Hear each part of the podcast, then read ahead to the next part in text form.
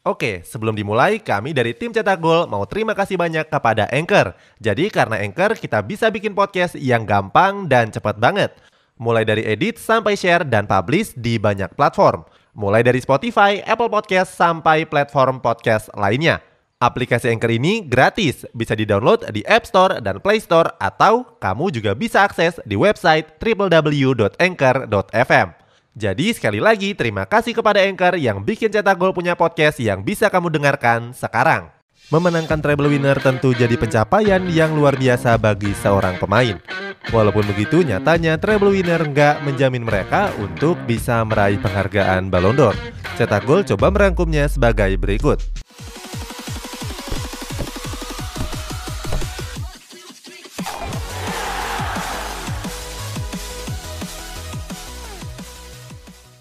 Ronald Koeman 1988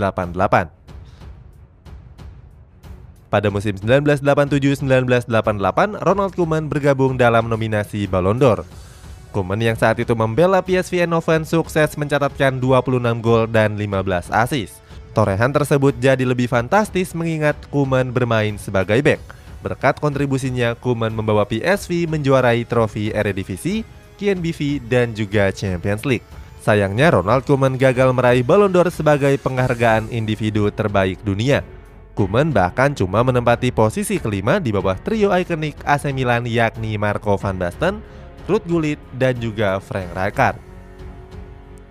David Beckham 1999 Berikutnya ada legenda sepak bola Inggris yakni David Beckham. Saat masih membela Manchester United, Beckham menjalani musim terbaiknya pada musim 1998-1999. Saat itu Beckham memainkan 55 pertandingan dengan mencetak 9 gol serta 17 assist. Beckham juga sukses mengantarkan Manchester United meraih treble winner. Sayangnya pada perebutan Ballon d'Or, Beckham harus berpuas di peringkat runner-up. Saat itu Beckham kalah suara dari Rivaldo yang cuma memenangkan trofi La Liga bersama Barcelona. Wesley Snyder 2010 Selanjutnya ada mantan bintang timnas Belanda yakni Wesley Snyder.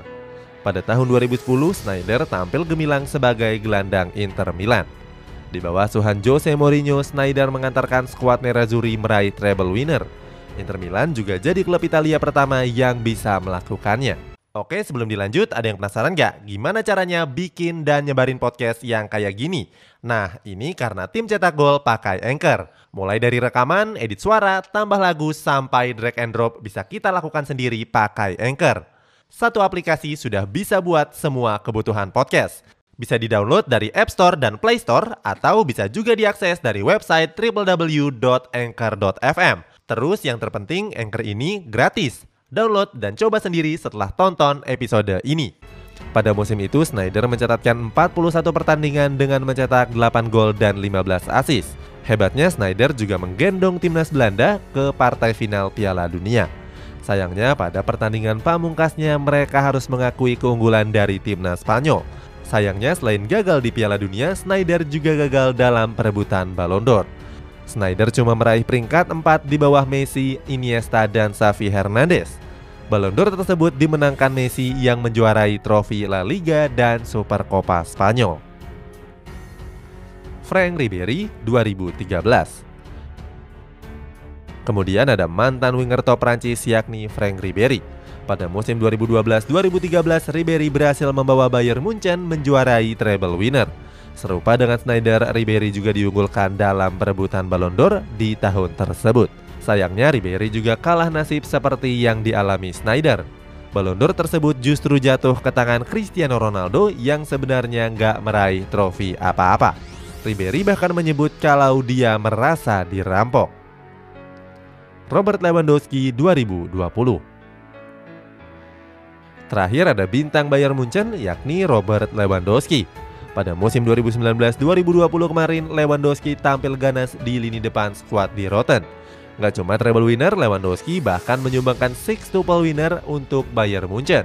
Dari 47 pertandingan yang sudah dimainkan, Lewandowski mencetak 55 gol dan 10 assist. Bahkan jumlah golnya lebih banyak daripada jumlah pertandingannya.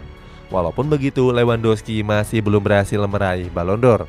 Bukan karena kalah saing dengan pemain lain, kali ini Ballon d'Or ditiadakan akibat pandemi virus COVID-19. Akan tetapi Lewandowski kembali dijagokan untuk meraih Ballon d'Or di tahun ini. Pasalnya Lewandowski masih tetap tampil gacor dan sudah mencetak 23 gol di berbagai kompetisi. Itulah sejumlah pemain yang gagal meraih penghargaan Ballon d'Or walaupun sudah treble winner. Bagaimana pendapatmu? Apakah perebutan Ballon d'Or sudah adil atau cuma ajang popularitas para pemain saja? Coba tulis pendapatmu di kolom komentar di bawah ini.